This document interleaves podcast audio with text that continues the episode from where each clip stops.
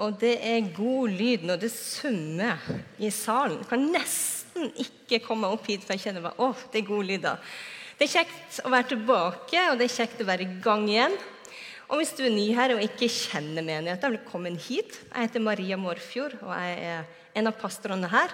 Og jeg har gleden av å forkynne i dag. Det har jeg gleda meg til.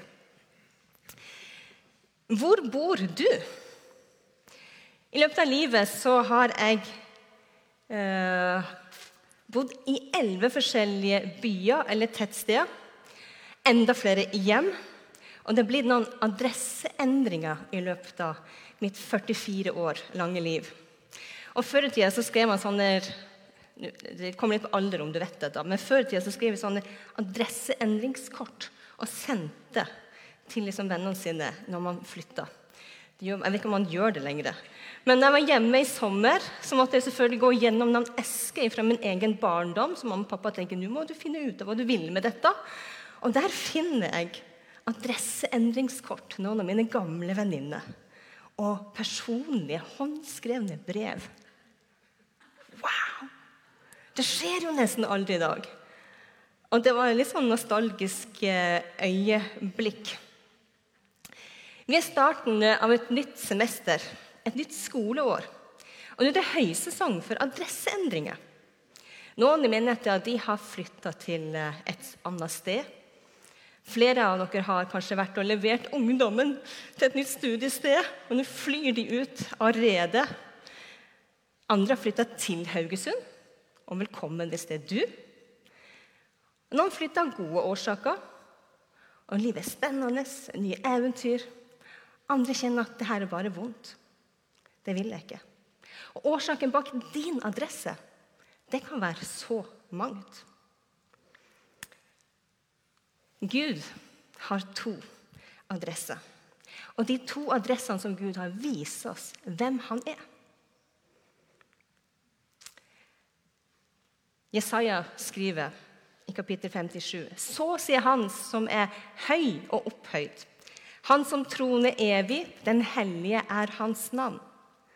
I det høye og hellige bor jeg, hos dem som er knust og nedbøyd i ånden. Jeg vil gi ånden liv hos dem som er knust og bøyd ned. Jeg vil gi ånden liv hos dem som er bøyd ned, og hjertet liv hos dem som er knust. Grunnen til at Gud lar oss få vite hvilken adresse han har, og hvor han bor, det er jo at vi skal kunne finne ham. Jo, så det er egentlig sånn at det er Gud som finner oss. Men du skjønner hva jeg mener. Det er en av venner som bor på skjult adresse. Og Grunnen til at de har skjult adresse, er jo at det er noen spesifikke mennesker som ikke skal finne dem. Men Gud har ikke skjult adresse. Han vil la seg finne. Og den første adressen han har, så sier han som er høy og opphøyd han som troner evig. Den hellige er hans navn. I det høye og hellige bor jeg. Vi skulle kanskje ha begynt med den andre adressen. Bare for å varme dere litt opp og mykne dere litt, sånn litt opp, så dere får kunne slappe godt av i stolen. Det er jo tross alt første gudstjeneste etter en sommerferie. Men jeg skal ikke det. Og jeg skal nok komme til den andre adressen også. Men den første av Guds adresser, det er i det høye og i det hellige. Fordi han er hellig. Problemet med det er jo kanskje at det ikke er nødvendigvis det vi har lyst til å høre om. Mange sier at Guds hellighet det er den minst populære av Guds sine egenskaper men det er den som er nevnt flest ganger i hele Bibelen. 637 ganger Jeg har telt. Nei, jeg har ikke det. Men 637 ganger er det nevnt i Bibelen at Gud er hellig. Og Mange teologer mener at det er den viktigste egenskapen med Gud. Og når du erfarer Guds hellighet, så vil det riste og røre noe i deg. Det kan være at du faller på kne i omvendelse. Eller du vil kaste deg foran Gud i tilbedelse. Guds hellighet, det er voldsomt. Men det er kanskje den av Guds egenskaper vi trenger aller mest. Derfor vil jeg be en kort bønn. Hellige Ånd, vi ber om at du skal forberede hjertene våre og dra oss til Kristus. Takk at du er hellig, du er god, og du er kjærlig. Og nå må du gjøre oss ydmyke. Senk ditt hellige nærvær over oss i dag. I Jesu navn. Amen. Profeten Jesaja, som skriver om Guds to boliger, han hadde en personlig erfaring med Guds hellighet, som vi kan lese om i kapittel 6. Der skriver han i det året da kong Ussia døde, så jeg Herren sitte høy og opphøyd, sitte på en høy og opphøyd trone. Og kanten på kappen fylte tempelet. Serafer sto overfor ham. Hver av dem hadde seks vinger. Med to dekket de ansiktet, med to dekket de føttene, og med to fløy de. De ropte, 'Hellig, hellig, hellig er Herren Sebaod.' Hele jorden er full av Hans herlighet. Røsten som ropte, fikk bolte ned i dørterskelen til å riste, og huset ble fylt av røyk. Wow. Det som er veldig kult med tekstene i Bibelen, det er at små historiske fakta også har en høy verdi. Eksempel det at Jesaja skriver at i det året da kong Ussia døde, når er det Gud gir Jesaja en erfaring av hans hellighet og kaller han til å virke som profet? Jo, i det året da kong Ussia døde. Og hva er så spesielt med det? Kong Ussia hadde, Ussia hadde vært konge fra han var veldig ung. Fra han var 16 år gikk han på tronen. Og Han var konge i 52 år, og det er ganske lenge til å virke som en konge. Med andre ord, det var en æra i folket nå som var over. Hva nå? Og Det er ikke det samme der som i Norge. Den dagen da kong Harald dør, så sørger vi. Men så vet vi hva som skjer. Det er en kronprins som trar over, vi har regjering som styrer, hjulet går videre. Men sånn var det ikke her. Når en konge døde, så var det en enorm usikkerhet i landet. Og en enorm utrygghet. Sårbarhet. Hvem skal ha makta over oss nå? Hva skjer nå? Så lenge jeg har levd, så har vårt lille land Norge aldri vært mer sårbart. Krigens krefter det kommer skremmende nært, og våre grenser trues. Den norske krona har vært stup lav, og prisen har økt voldsomt. Og mange har kjent på en økonomisk utrygghet. Hva nå? Klarer vi å få endene til å møtes? Klarer vi å betale regningene som kommer? Klarer bedriften min flere avslag og færre kunder? I tillegg så rister jorden oss med ekstremvær. Flommer og skred de feier over eiendelene våre fullstendig uten hensyn. Og kanskje er det ingenting mot den flommen som herjer i din familie. I dette året, når de stabile rammene folket hadde, var borte I det året hvor folket var redd og bekymra, fikk Jesaja et nært møte med Gud.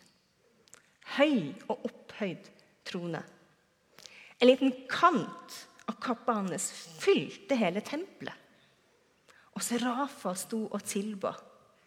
Og hva er en seraf? En seraf er en kategori engler eller himmelvesen. Vi vet ikke helt hvordan det ser ut. Men de har seks vinger, til forskjell fra kjerubene. Dette for liksom de nerdene syns det er litt spennende.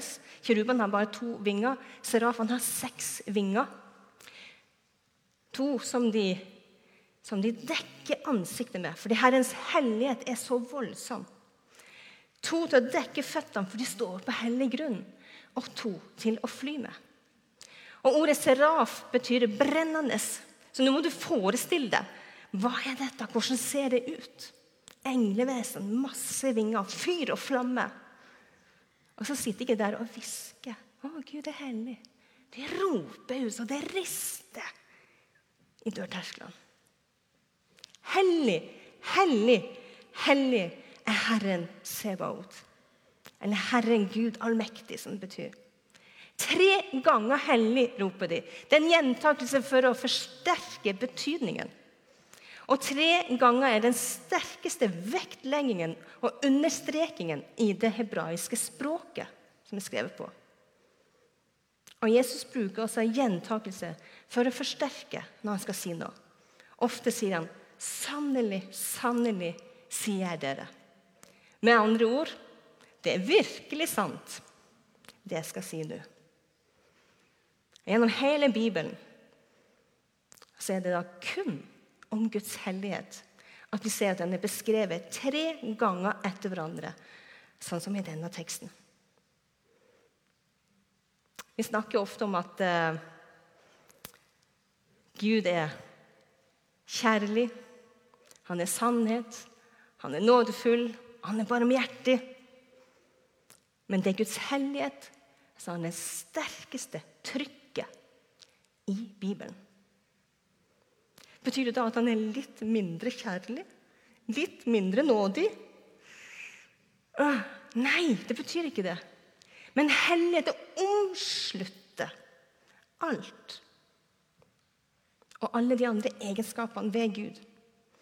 Hellig betyr at noe er atskilt fra, satt til side. Ikke sidestilt, men satt til side, atskilt oppover. Fra alt, fra alle og alt det som vi kjenner til. For Gud er annerledes. Ikke et menneskelig vesen sånn som oss. Han er ikke skapt. Han er transcendent, som akademikerne sier. Det er høy, opphøyd utafor vår rekkevidde. Utafor vår forståelse. Han er selvopprettholdende og selveksisterende. Det er ikke noe som holder Gud oppe. Han er ikke avhengig av noe annet. Det er ikke noe som annet som gir han liv, fordi han er liv. Gud er ikke ensom om du ikke vil ha fellesskap med han. Gud er sjøl i et selvforsynende, guddommelig fellesskap, tre i én, som du inviteres inn i. Gud er ikke den som må elskes for å kunne elske. Han er kjærlighet. Gud er hellig. Han er fullstendig ren, fullstendig god, fullstendig rettferdig, Helt perfekt, uten noen form for pletter eller skyld. Han er uendelig, han er uforanderlig. Det er umulig å måle Gud, og det er umulig å sammenligne han med noe annet. Og i ham så finnes det ikke noe mørke. Han kan ikke synde. Han kan ikke lyge. Han kan ikke svikte. Det finnes ikke noe død i ham. Gud har en visdom som ingen har lært ham. Han har en styrke han ikke har trent seg opp til. Han er fullstendig utafor vår tid. Han var, han er, han kommer. Er det rart at han sier 'Jeg er'? Det er mitt navn. Du kan ikke sette meg i noen bås. Jeg er utafor. Da er det ikke rart israelittene sier 'Hvem er som du blant gudene, Herre?' Hvem er som du, herlig og hellig? Får frysninger sjøl. Skremmende i storverk, underfull i gjerning. Det er ikke noe, noe mørke i Gud. Der han trer fram, så fortæres synden, så fortæres mørket. Fordi han er en fortærende ild. Og det er jo dette som kan skremme oss.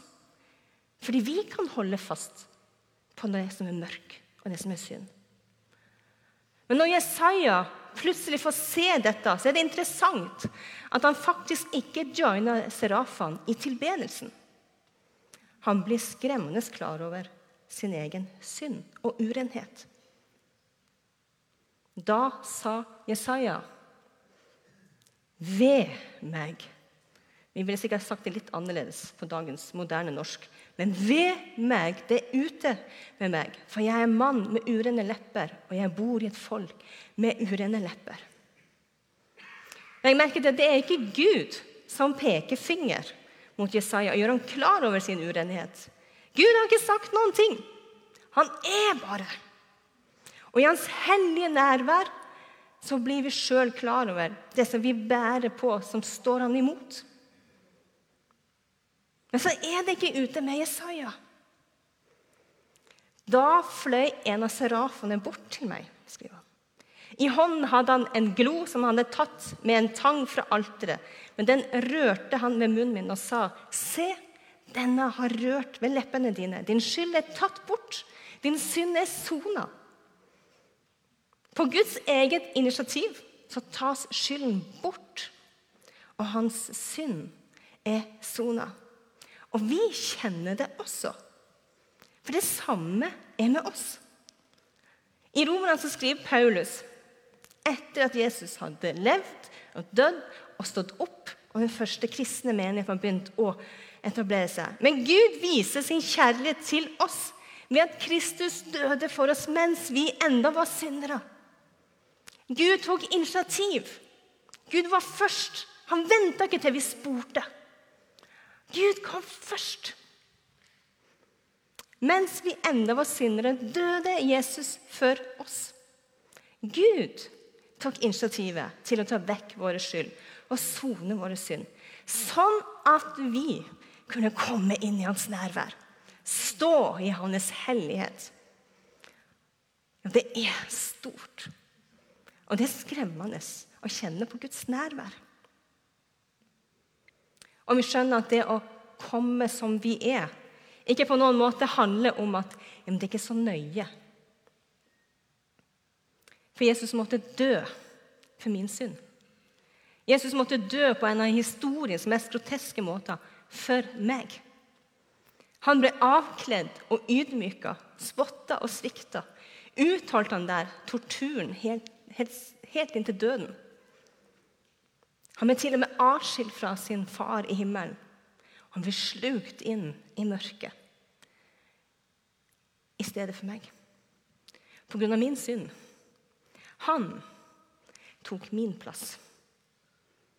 Jesus, som er hellig Gud, tok min plass. Han ga seg sjøl som et hellig offer. Det eneste som har makt til å vaske bort min skyld. Han har gjort meg hellig.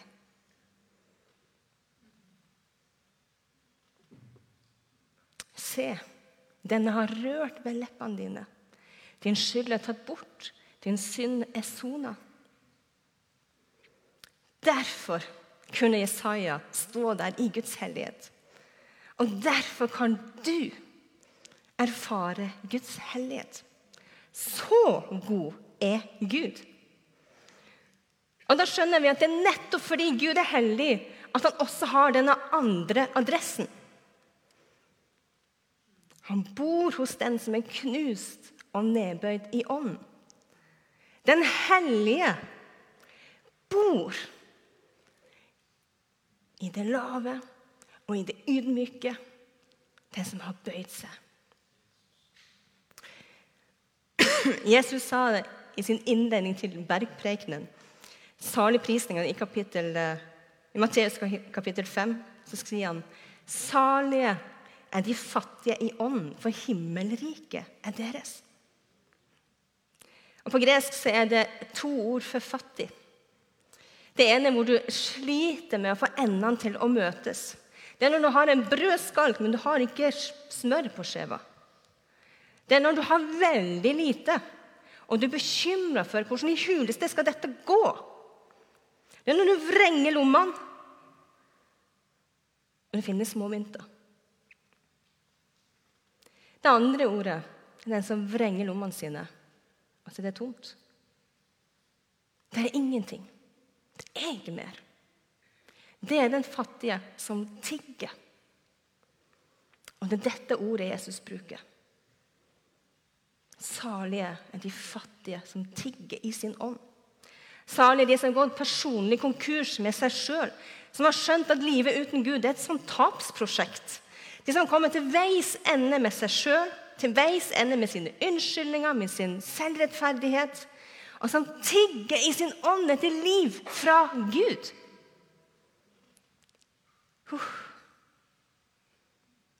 Den hellige som bor i det høye og opphøyde, bor i den som er knust og nedbøyd. Den som tigger. Den som ikke har noe å by på. Den som står med tomme hender, som skjelver på sine knær. Og fordi Gud er hellig, så er han også det tryggeste stedet du kan komme til. Fordi Gud er hellig, så er han det eneste, tryggeste sted du kan bryte fullstendig sammen. Trygt kan du bekjenne og erkjenne din synd. Du kan trygt vise din svakhet. Fordi Gud er hellig, så kan du stole på ham. For når Gud ikke kan synde, så kan han heller ikke synde mot deg. Han kan ikke lyge. Han kan ikke lure deg. Han kan ikke elske deg litt mindre eller sette din verdi litt lavere. Han kan ikke svikte deg. Han kan ikke være utro mot deg. Han svinger ikke i humøret. Han er ikke urettferdig. Han er klippen, den faste og uforanderlige grunnen, opphavet til alt som er til. Derfor kan du stole på ham. Du kan lene deg til hans kjærlighet. Du kan kaste alle dine bekymringer på han, fordi han alltid og under alle omstendigheter har omsorg for deg. Han har gode planer for deg og håp og framtid for deg.